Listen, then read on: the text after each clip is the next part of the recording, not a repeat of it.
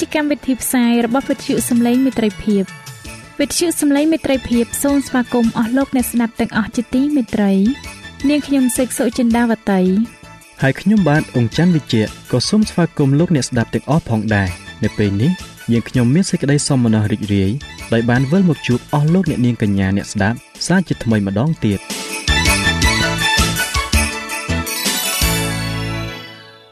ចា៎លោកអ្នកស្ដាប់ជាទីមេត្រី នាងខ្ញុំសូមគោរពអញ្ជើញអស់លោកលោកស្រី អ្នកនាងកញ្ញាតាមដានស្ដាប់កម្មវិធីផ្សាយរបស់វិទ្យុយើងខ្ញុំដូចតទៅ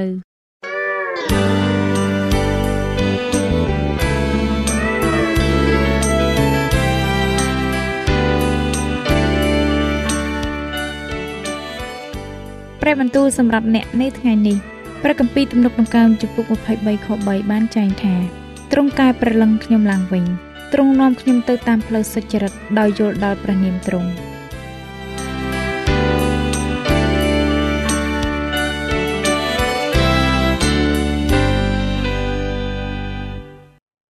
បាទខ្ញុំបាទសូមគោរពនឹងជម្រាបសួរដល់អស់លោកអ្នកទាំងអស់គ្នាជាថ្មីម្ដងទៀតហើយក៏សូមស្វាគមន៍អស់លោកអ្នកទាំងអស់គ្នា មកកាន់កម្មវិធីមេរៀនសបាស្គូលប្រចាំសប្ដាហ៍នៅសប្ដាហ៍នេះមេរៀនរបស់យើងមានចំណងជើងថា ព្រះនៃសេចក្តីសុខសាន្តសម្រាប់អស់លោកអ្នកដែលចង់បានមេរៀននេះប្រើនៅលើទូរស័ព្ទដៃ Android លោកអ្នកអាចទាញយកមេរៀននេះតាមរយៈ Play Store ដោយវាយពាក្យថាខ្មែរសបាស្គូលខ្ញុំបាទមានចំណុចនិងសំណួរមួយចំនួនមុននឹងឈានចូលទៅខ្លឹមសារនៃមេរៀននេះដើម្បីអស់លោកអ្នកបានពិចារណាជាមុនសិនជាមួយនឹងរូបខ្ញុំបាទចំណុចនេះមានដូចតទៅ ដោយដែលបានឃើញនៅក្នុងព្រះគម្ពីរអេសាយជំពូក11ព្រះជាម្ចាស់បានបង្ហាញយើងឲ្យឃើញពីការយាងមករបស់ព្រះយេស៊ូវគ្រីស្ទនៅក្នុងរូបភាពតែមួយនេះក៏អាចជាមូលហេតុដែលជនជាតិយូដាមួយចំនួនមិនព្រមទទួលស្គាល់ព្រះយេស៊ូវនៅពេលដែលទ្រង់យាងមកជាលើកដំបូងពួកគេបែរជាគិតថាព្រះយេស៊ូវនឹងធ្វើការដែលកើតឡើង តែនៅពេលដែលទ្រង់យាងមកជាលើកទី2វិញតើកំហុសរបស់ពួកគេ ជួយយើងឲ្យយល់អំពីមូលហេតុដ៏សំខាន់នៃការបង្រៀនរបស់ព្រះគម្ពីរស្ដីអំពីអ្វីដែលនឹងត្រូវកើតឡើងនៅពេលដែលទ្រង់យាងមកវិញជាលើកទី2ដោយរបៀបណាតើទស្សនៈខុសឆ្គងស្ដីអំពីការយាងមកជាលើកទី2របស់ព្រះយេស៊ូវគ្រីស្ទអាចធ្វើឲ្យមនុស្សអាចជឿលើសេចក្តីបោកប្រាស់នៅគ្រាជាន់ក្រោយរបស់សាតាំងយ៉ាងដូចម្តេចដែរអស់លោកអ្នកជាទីមេត្រីលោកបណ្ឌិតរ៉ូប៊ីតអូបេនេមៀជាអ្នកទទួលបន្ទុក ក្រុមមួយ ដែលបានផលិតនៅក្របបែកប៉ារ៉ាវ៉ាណូដំបូងគេបង្អស់លោកបណ្ឌិតបានឆ្លើយទៅនឹងសំណួរអំពីក្របបែកប៉ារ៉ាម៉ាណូនេះពីសំណាក់សមាជិកសភាមួយក្រុមនៅសហរដ្ឋអាមេរិកពួកគេបានសួរលោកបណ្ឌិតថាតើមានអ្វីដែលអាចការពារមនុស្សពីក្របបែកបរិមាណូនេះបានដែរឬទេ លោកបណ្ឌិតបានឆ្លើយថា មាន គឺពិតជាមាន សមាជិកសភាក៏បានបន្តសួរទៀតថា តើនោះគឺជាអ្វីទៅលោកបណ្ឌិតបានក្រឡេកមើលតែឯពួកគេរួចបានមានប្រសាសន៍ថា គឺការមានសន្តិភាពអរលោកអ្នកជាទីមេត្រី សន្តិភាព គឺគ្រាន់តែជាសុបិនសម្រាប់មនុស្សភាគច្រើនតែប៉ុណ្ណោះ។បុគ្គលមួយចំនួនបាននិយាយថាផែនដីយើងនេះមានសន្តិភាពត្រឹមតែ8%តែប៉ុណ្ណោះមនុស្សគ្រប់គ្នារំពឹងថាសង្គ្រាមលោកលើកទី1 នឹងคล้ายទៅជាសង្គ្រាមចុងក្រោយបំផុតដែលមិនធ្លាប់មាននៅលើពិភពលោកនេះប៉ុន្តែយើងរាល់គ្នានៅតែឃើញមានសង្គ្រាមជាបន្តបន្ទាប់រហូតមកដល់សប្តាហ៍ថ្ងៃនេះមេរៀនសម្រាប់សប្តាហ៍នេះនឹងរៀនពីបុគ្គលតែម្នាក់គត់ដែលអាចផ្ដល់ឲ្យយើងនូវសន្តិភាពពិតប្រាកដនិងអស់កលជានិច្ចនោះគឺអង្គព្រះយេស៊ូវតែម្ដងព្រះគម្ពីរអេសាយជំពូក9ខ1ចាប់ផ្ដើមដោយពាក្យប៉ុន្តែ នៅពេលដែលប្រយោគមួយចាប់ផ្ដើមដោយពាក្យនេះ យើងដឹងភ្លាមថានឹងមានអ្វីថ្មីឬប្លែកហៀបនឹងកើតឡើងហើយព្រះគម្ពីរអេសាយជំពូក9ខ1បានចែងថាប៉ុន្តែសេចក្តីឆ្លុបសូនសុងនឹងមិននៅលើស្រុកដូចនៅគ្រាដែលមានសេចក្តីវេទនាចិត្តនោះទេ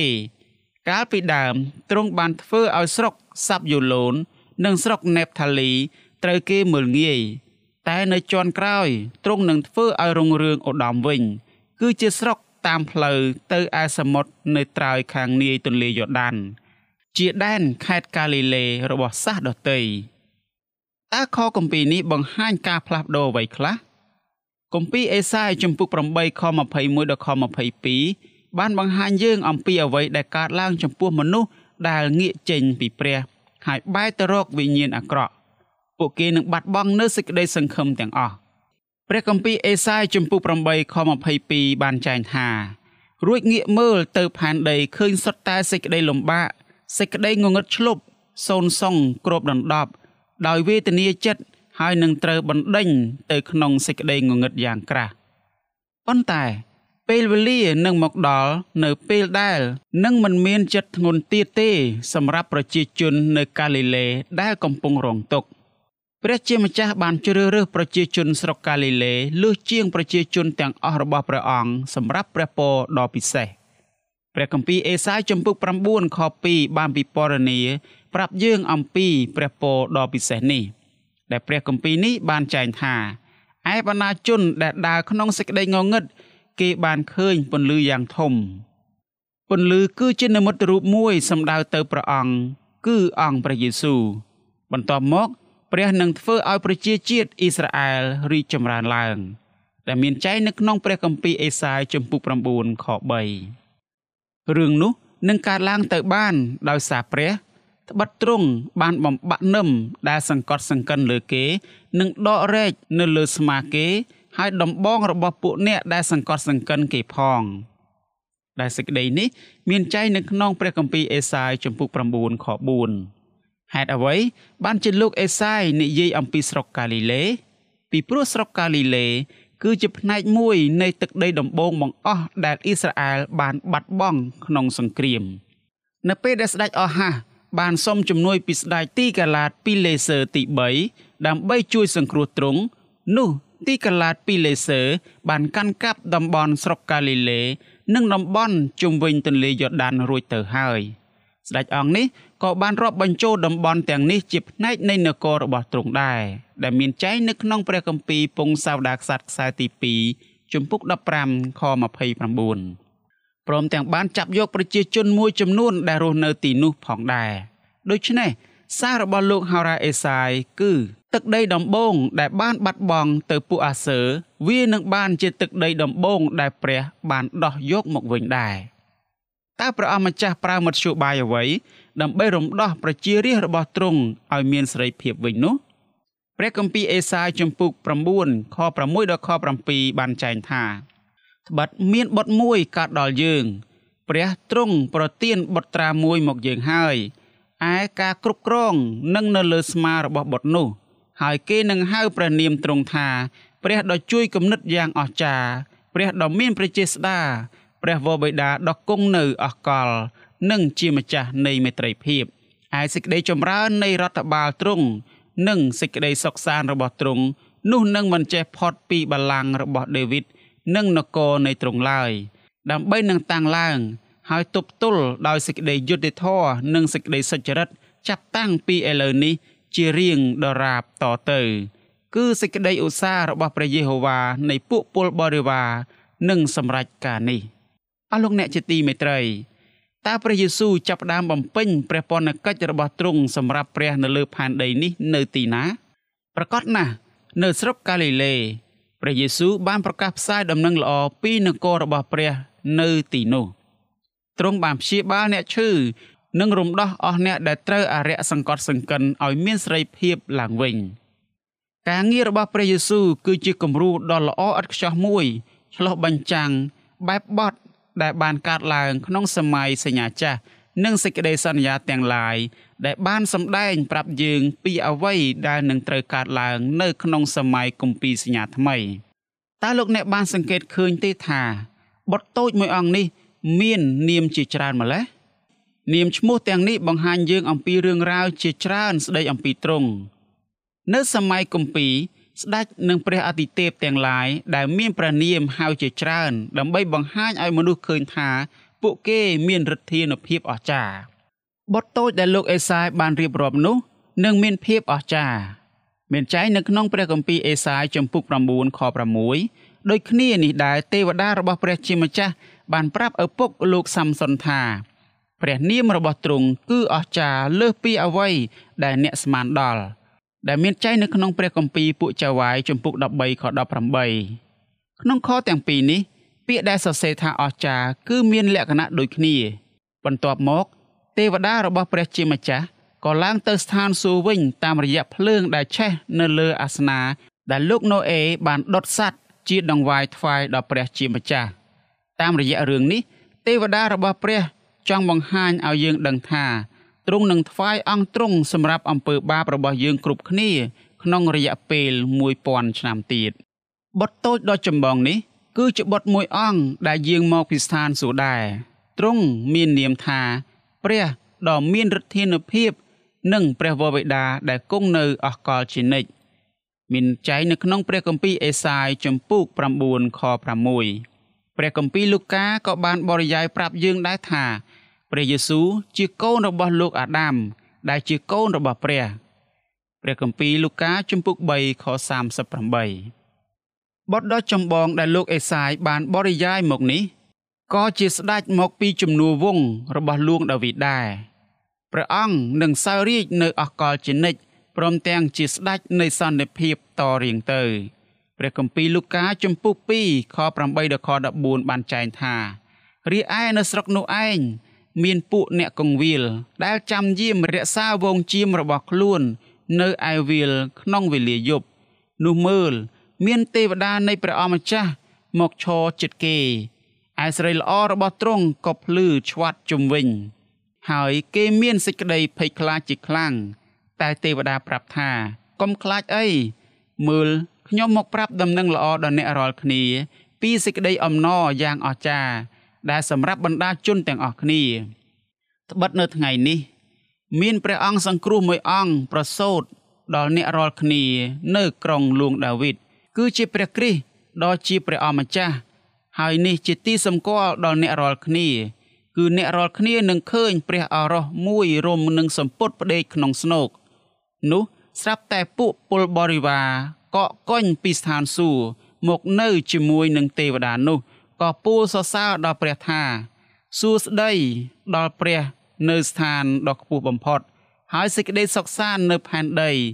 នៅកណ្ដាលមនុស្សជាទីគប់ប្រតិយដល់ទ្រង់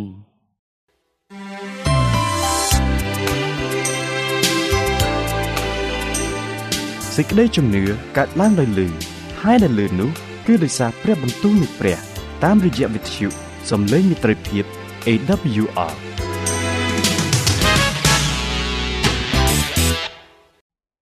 ស់លោកអ្នកជាទីមេត្រី បុគ្គលមួយចំនួនបានព្យាយាមបរិយាយថាបុតតូចដ៏ចម្បងនេះ គឺជាស្ដេចហេសេគៀប៉ុន្តែព្រះគម្ពីរបានបង្ហាញយើងថាបុតនេះជាមនុស្សសាមញ្ញបំផុត គឺមានបុគ្គលតែម្នាក់គត់ដែលមានគ្រប់ទាំងលក្ខណៈនេះនោះគឺជាអង្គព្រះយេស៊ូវគ្រីស្ទទ្រង់គឺជាព្រះរាជបុត្រានៃព្រះ ដែលបានយាងមកកាន់យើងរាល់គ្នា ពីស្ថានសួគ៌ដ៏ខ្ពស់បំផុត ព្រះអង្គគឺជាព្រះដែលបានបង្កើតផែនដីនិងរបស់សពសារពើទាំងអស់ព្រះយេស៊ូវបានប្រសូតមកដើម្បីផ្ដល់សេចក្តីសង្គ្រោះព្រមទាំងប្រទានសេចក្តីសុខសាន្តដល់យើងគ្រប់គ្នាទ្រង់នឹងគង់នៅជាមួយនឹងយើងជានិច្ចតែមានចែងនៅក្នុងព្រះគម្ពីរម៉ាថាយចំពុក28ខ18ដល់ខ20ព្រះអង្គទ្រង់នៅតែជាព្រះ ហើយជាមនុស្សដែរនៅពេលដែលទ្រង់បានយាងមករកយើងរាល់គ្នា នោះហើយជាមូលហេតុដែលទ្រង់ជ្រាបថាយើងមានភាពកំសោយនិងកំពុងប្រយុទ្ធប្រឆាំងនឹងអំពើបាបរបស់យើងនោះព្រះគម្ពីរអេសាយចំពុក9និងចំពុក10បានសម្ដែងប្រាប់យើងថា នៅថ្ងៃណាមួយព្រះនឹងដោះលែងរាជរបស់ព្រះអង្គឲ្យមានសេរីភាពពីខ្មាំងសត្រូវរបស់ពួកគេរាជរបស់ទ្រង់មានសេចក្តីសោយសោកដោយសារពួកគេបានជឿទុកចិត្តលើយោបល់របស់វិញ្ញាណអាសោច ដូច្នោះហើយបានជាកងទ័ពអាសឺមកវាយប្រហារពួកគេដោយភ្លើងសង្គ្រាមព្រមទាំងបានចាប់យកប្រជាជនអ៊ីស្រាអែលជាច្រើន យកទៅជាឆ្លើយផងប៉ុន្តែលោកអេសាយបានសន្យាថានឹងមានពេលវេលាមកដល់ដែលព្រះនឹងបំបាក់ដំបងរបស់អ្នកដែលសង្កត់សង្កិនគេផង ដូចជានៅគ្រានៃពួកសាសម៉ាឌីនដែរដែលមានចែងនៅក្នុងព្រះគម្ពីរអេសាយចំពុក9ខ4អស់លោកអ្នកទាំងអស់គ្នាជាទីមេត្រី តើហេតុអ្វីបានជាព្រះជាម្ចាស់ដាក់ទណ្ឌកម្មប្រជាជនរបស់ព្រះអង្គបន្តិចម្ដងបន្តិចម្ដង តែមិនមែនទាំងស្រុងក្នុងពេលតែមួយនោះតើរឿងនេះបង្ហាញយើងយ៉ាងដូចម្ដេចអំពីព្រះជាម្ចាស់និងផែនការរបស់ទ្រង់សម្រាប់ជីវិតរបស់យើងរាល់គ្នានោះចម្លើយគឺថាប្រសិនបើព្រះជាម្ចាស់ចង់បំផ្លាញប្រជារាស្ត្ររបស់ព្រះអង្គទ្រង់អាចបណ្ដាលឲ្យពួកអាសើវាយប្រហារពួកគេភ្លាមភ្លាមតែម្ដងប៉ុន្តែព្រះជាម្ចាស់ ទ្រង់មានប្រតិយយឺតនឹងខ្ញាល់ដោយមិនចង់ឃើញនរណាម្នាក់ត្រូវវិនិច្ឆ័យអន្តរាយនោះឡើយទ្រង់មានប្រតិយចង់ឲ្យមនុស្សគ្រប់គ្នាផ្លាស់ប្រែផ្លូវប្រព្រឹត្តរបស់ខ្លួន ហើយងាកចេញពីអំពើបាបរបស់គេវិញប៉ុណ្ណោះដែលមានចែងនៅក្នុងព្រះគម្ពីរពេត្រុសខ្សែទី2ជំពូក3ខ9ព្រះបានបណ្ដាលឲ្យសាសអ៊ីស្រាអែលនិងពួកយូដាជួបនៅរឿងអាក្រក់កើតឡើងដោយសារតែពួកគេបានជ្រើសរើសខុស ព្រះជាម្ចាស់ចង់ឲ្យរាជរបស់ទ្រង់យល់ថាអ្វីដែលគេបានធ្វើគឺពិតជាខុសឆ្គងហើយថាពួកគេនៅមានឱកាសនៅឡើយក្នុងការធ្វើការសម្រេចចិត្តដែលប្រសើរជាងមុនប៉ុន្តែផ្ទុយទៅវិញ ពួកគេនៅតែបន្តធ្វើបាបព្រមទាំងតាំងចិត្តរឹងរូសប្រឆាំងទាស់នឹងព្រះ រួមទាំងហោរារបស់ទ្រង់ផងដែរដូច្នេះព្រះទ្រង់ក៏ឈប់ការពារពួកគេ ពួកគេក៏នៅតែប្រឆាំងនឹងព្រះដដែល រឿងនេះនៅតែបន្តកើតឡើងរហូតដល់ព្រះមិនអាចធ្វើអ្វីទៀតបាននៅក្នុងការជួយសង្គ្រោះពួកគេព្រះគម្ពីរអេសាយជំពូក9ខ8ដល់ខ16បានចែងថា ព្រះអម្ចាស់ទ្រង់ផ្ញើព្រះបន្ទូលមក ក្នុងពួកយ៉ាកុបហើយព្រះបន្ទូលនោះ បានធ្លាក់មកត្រូវជនជាតិអ៊ីស្រាអែលបណ្ដាជនទាំងអស់គ្នានឹងដឹងដែរទោះទាំងពួកអេប្រាអឹមនិងពួកអ្នកនៅស្រុកសាម៉ារីផង ជាពួកអ្នកដែលនិយាយដោយសេចក្តីអំនួតនិងចិត្តធំរបស់គេថាជញ្ជាំងឥដ្ឋបានរលំហើយ តែយើងនឹងសង់ឡើងវិញដោយថ្មដាប់វិញ ដើមឧទុមពោត្រូវបានកាប់អស់ទៅហើយ តែយើងនឹងយកដើមតាត្រាវមកជំនួសវិញដូច្នេះព្រះយេហូវ៉ាទ្រង់នឹងតាំងពួកខ្មាំងសត្រូវរបស់រេស៊ីនឲ្យទាស់នឹងគេ ហើយនឹងញុះញង់ពួកសត្រូវរបស់គេដែរគឺពួក សាសសេរី នៅខាងមុខហើយពួកសាសភីលីស្ទីននៅខាងក្រោយ ពួកនោះនឹងហាមាត់ត្របាក់លេបសាសអ៊ីស្រាអែលទៅប៉ុន្តែទោះបើធ្វើទោសជាច្រើនដល់ម្លេះក៏ដោយគង់តែសេចក្តីខ្ញាល់របស់ទ្រង់មិនទាន់បែកចេញនៅឡើយ គឺព្រះហស្ថទ្រង់នៅតែលូកមកទៀតរីឯបណ្ដាជនទាំងឡាយគេមិនបានវិលមកឯព្រះ ដែលទ្រង់បានវាយផ្ចាលគេ ក៏មិនស្វែងរកព្រះយេហូវ៉ានៃពួកពលបរិវារឡើយហេតុនោះបានជាព្រះយេហូវ៉ាទ្រង់នឹងកាត់ទាំងក្បាលទាំងកន្ទុយទាំងមែកហើយនឹងធៀងរបស់សាសអ៊ីស្រាអែលចេញក្នុងថ្ងៃតែមួយឯក្បាល គឺជាពួកអ្នកចាស់ទុំ និងពួកអ្នកមានកិត្តិយសហើយកន្ទុយគឺជាហោរាដែលបង្រៀនសេចក្តីភូតផរបិទពួកអ្នកដែលដឹកនាំសាសនេះ គេនាំឲ្យវង្វេងទេ ហើយពួកអ្នក ដែលគេនាំមុខនោះក៏ត្រូវបំផ្លាញទៅអស់លោកអ្នកជាទីមេត្រី អ្វីដែលយើងឃើញនៅទីនេះគឺជាអំណាច នៃសេរីភាពក្នុងការជ្រើសរើសព្រះបានបង្កើតមនុស្សមកឲ្យមានសេរីភាព នៅពេលដែលអ្នកមានសេរីភាពក្នុងឆន្ទៈនោះអ្នកអាចជ្រើសរើសធ្វើបាបក៏បាន នៅពេលដែលយើងធ្វើបាបនោះព្រះជាម្ចាស់ទ្រង់ជ្រើសរើសនាំយើងឲ្យត្រឡប់មករកទ្រង់វិញទ្រង់ធ្វើដូច្នេះ ដោយចង់បង្ហាញយើងអំពីសេចក្តីស្រឡាញ់របស់ទ្រង់ដោយសារទ្រង់ស្រឡាញ់យើង នោះបានជាទ្រង់ជាញឹកញាប់មិនបានហាមឃាត់យើងពីការសម្រេចចិត្តខុសនោះទេទ្រង់អនុញ្ញាតឲ្យយើងមានអារម្មណ៍ឈឺចាប់រងទុក្ខនិងភ័យខ្លាចដែលកើតឡើងចេញពីជំរឿសខុសឆ្គងរបស់យើង បន្ទាប់មកយើងនឹងឃើញថា ការងាកចេញពីទ្រង់គឺបណ្ដាលឲ្យយើងទៅជាយ៉ាងណាទោះជាយ៉ាងនេះក្តី ក៏មានមនុស្សជាច្រើនមិនបានងាកចេញពីអំពើបាបរបស់ខ្លួនហើយវិលត្រឡប់មករកព្រះវិញឡើយសេរីភាពនេះជាអំណោយទានមួយដ៏អស្ចារ្យប៉ុន្តែយើងមិនត្រូវប្រើវាក្នុងផ្លូវខុសនោះឡើយ។ព្រះគម្ពីរអេសាយជំពូក12គឺជាទំនុកចម្រៀងដ៏ខ្លីមួយបទក្នុងការសរសើរដំកើងដល់ព្រះបទចម្រៀងនេះ បានច្រៀងឡើងដើម្បីសរសើរដំកើងព្រះចំពោះសេចក្តីមេត្តាករុណា និងសេចក្តីលួងលោមកំសាន្តចិត្តដ៏ខ្លាំងរបស់ទ្រង់បទនេះគឺត្រូវបានច្រៀងដោយប្រជាជនអ៊ីស្រាអែលបន្ទាប់ពីបាននាំជនជាតិយូដាត្រឡប់មកកាន់ទឹកដីកំណើតរបស់គេវិញ អ្នកដែលលើកទំនុកនេះ បានច្រៀងប្រៀបធៀបសេចក្តីសន្យារបស់ព្រះ ដែលទ្រង់បានរំដោះរាជរបស់ទ្រង់ឲ្យមានសេរីភាព ទៅនឹងគ្រាដែលទ្រង់បានសង្គ្រោះពួកគេពីទេសភាពនៅស្រុកអេស៊ីប ព្រះគម្ពីរអេសាយជំពូក11ខ16បានចែងថាហើយនឹងមានថ្នល់មួយសម្រាប់ពួកសំណល់នៃរាជទ្រង់ដែលរួចពីស្រុកអាសឺមកដូចជាមានសម្រាប់សាសអ៊ីស្រាអែលនៅគ្រាដែលគេឡើងរួចពីស្រុកអេស៊ីបមកដែរបទចម្រៀងនេះក៏ដូចគ្នាបេះបិទទៅនឹងបទចម្រៀងដែលលោកម៉ូសេនិងជនជាតិអ៊ីស្រាអែលបានច្រៀងនៅពេលដែលព្រះជាម្ចាស់សង្គ្រោះពួកគេពីកងទ័ពរបស់ព្រះចៅផារ៉ោន នៅសមុទ្រក្រហម ដែលមានចែងនៅក្នុងព្រះគម្ពីរនិខមណាំងជំពូក15អស់លោកអ្នកទាំងអស់គ្នាជាទីមេត្រីព្រះគម្ពីរអេសាយជំពូក12ខ2បានចែងថា នៅគ្រានោះឯងនឹងនិយាយថាអោព្រះយេហូវ៉ាអើយទូលបង្គំនឹងអរប្រគុណដល់ទ្រង់ត្បិតទោះបើទ្រង់បានខ្ញាល់នឹងទូលបង្គំក៏ដោយ តែឥឡូវនេះសេចក្តីខ្ញាល់នោះបានបែកចេញទៅហើយទ្រង់បានកំសាន្តចិត្តទូលបង្គំវិញ មើល ព្រះទ្រង់ជាសេចក្តីសង្គ្រោះរបស់ខ្ញុំខ្ញុំនឹងទុកចិត្តឥតមានសេចក្តីខ្លាចឡើយ ពីព្រោះព្រះដ៏ជាព្រះយេហូវ៉ាទ្រង់ជាកម្លាំងហើយជាបទចម្រៀងរបស់ខ្ញុំ គឺទ្រង់ដែលបានសង្គ្រោះខ្ញុំអរលោកអ្នកជាទីមេត្រីព្រះជាម្ចាស់ទ្រង់បានជួយសង្គ្រោះយើងរាល់គ្នាទ្រង់ក៏ជាផ្លូវដែលនាំយើងទៅរកសេចក្តីសង្គ្រោះដែរព្រះយេស៊ូវគឺជាព្រះដ៏វិសុទ្ធ របស់ជនជាតិអ៊ីស្រាអែល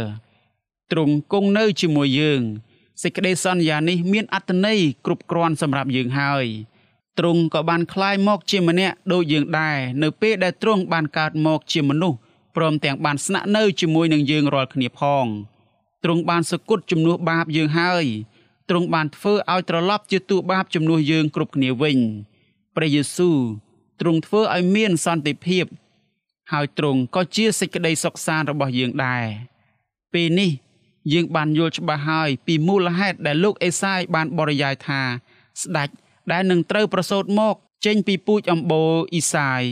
គឺពិតជាវិសេសណាស់ទ្រង់នឹងបានទុកជាទង់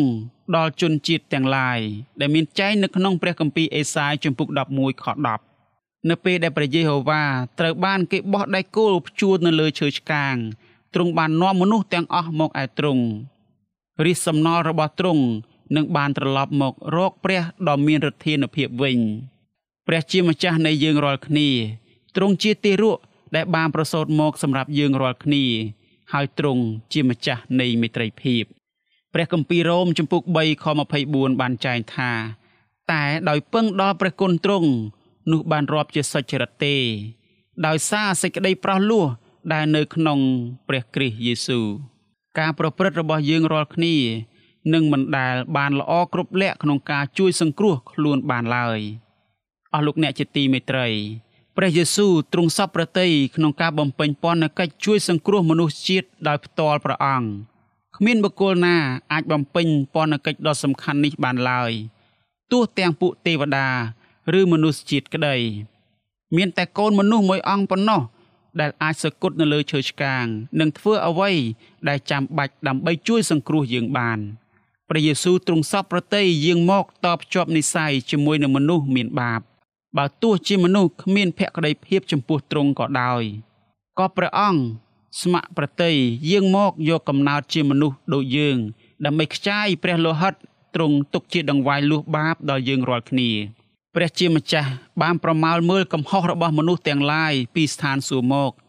ហើយព្រះពិរោធរបស់ទ្រង់ចំពោះអំពើបាបប្រកបដោយការឆេះឆួលឡើងជាខ្លាំងទ្រង់បានជ្រាបថា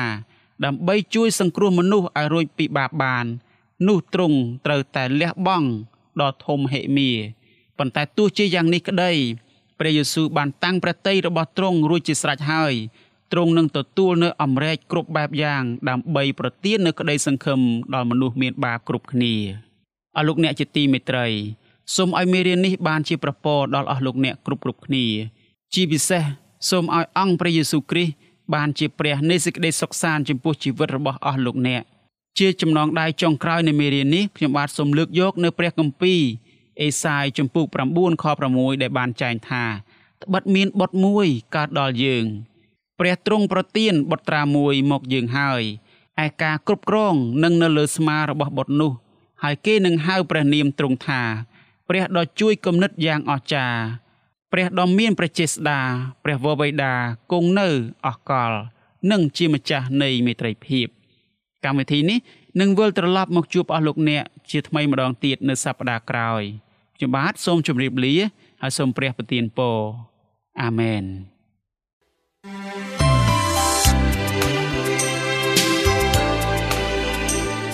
វិទ្យុសំឡេងមេត្រីភាព AWR មានផ្សាយពីរដងក្នុងមួយថ្ងៃ គឺព្រឹកនៅម៉ោង6និងពេលយប់នៅម៉ោង8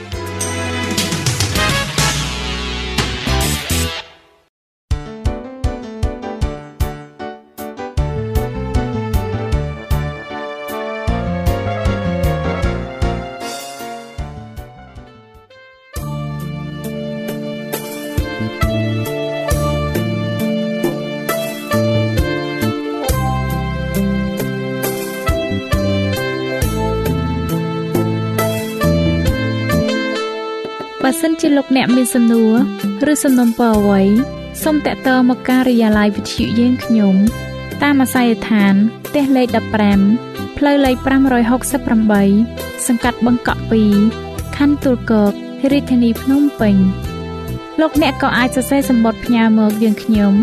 តាមរយៈប្រអប់សម្បត្តិលេខ488ភ្នំពេញឬតាមទូរស័ព្ទលេខ012 34 96 64ឬ097 80 81 060ឬក៏តាមរយៈអ៊ីមែល vol@awr.org យើងខ្ញុំរងចាំទទួលស្វាគមន៍អស់លោកអ្នកនាងដោយក្តីសោមនស្សរីករាយហើយលោកអ្នកក៏អាចស្ដាប់កម្មវិធីនេះឡើងវិញដោយចូលទៅកាន់ website របស់វិទ្យុយើងខ្ញុំតាមរយៈអាស័យដ្ឋាន www.awr.org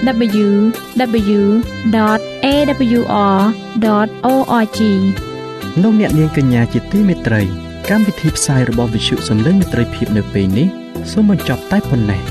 យើងខ្ញុំសូមអរគុណចំពោះការតាមដានស្ដាប់របស់អស់លោកអ្នកតាំងពីដើមរហូតដល់ចប់យើងខ្ញុំសូមជូនពរឲ្យអស់លោកអ្នកនាងកញ្ញាទាំងអស់បានចម្រើនឡើងក្នុងព្រះគុណព្រះអង្គម្ចាស់ហើយក្នុងការទទួលយកព្រះយេស៊ូវគ្រីស្ទជាព្រះអង្គម្ចាស់ និងជាព្រះអង្គសង្គ្រោះនៃយើងរាល់គ្នានាទីផ្សាយរបស់វិទ្យុយើងខ្ញុំនឹងវិលមកជួបអស់លោកអ្នកសាជាថ្មីម្ដងទៀតនៅថ្ងៃស្អែកវេលាម៉ោងដដែលនាងខ្ញុំសេកសុចិន្តាវតីនិងខ្ញុំបាទអ៊ំច័ន្ទវិជ្ជៈសូមអរគុណសូមជម្រាបលា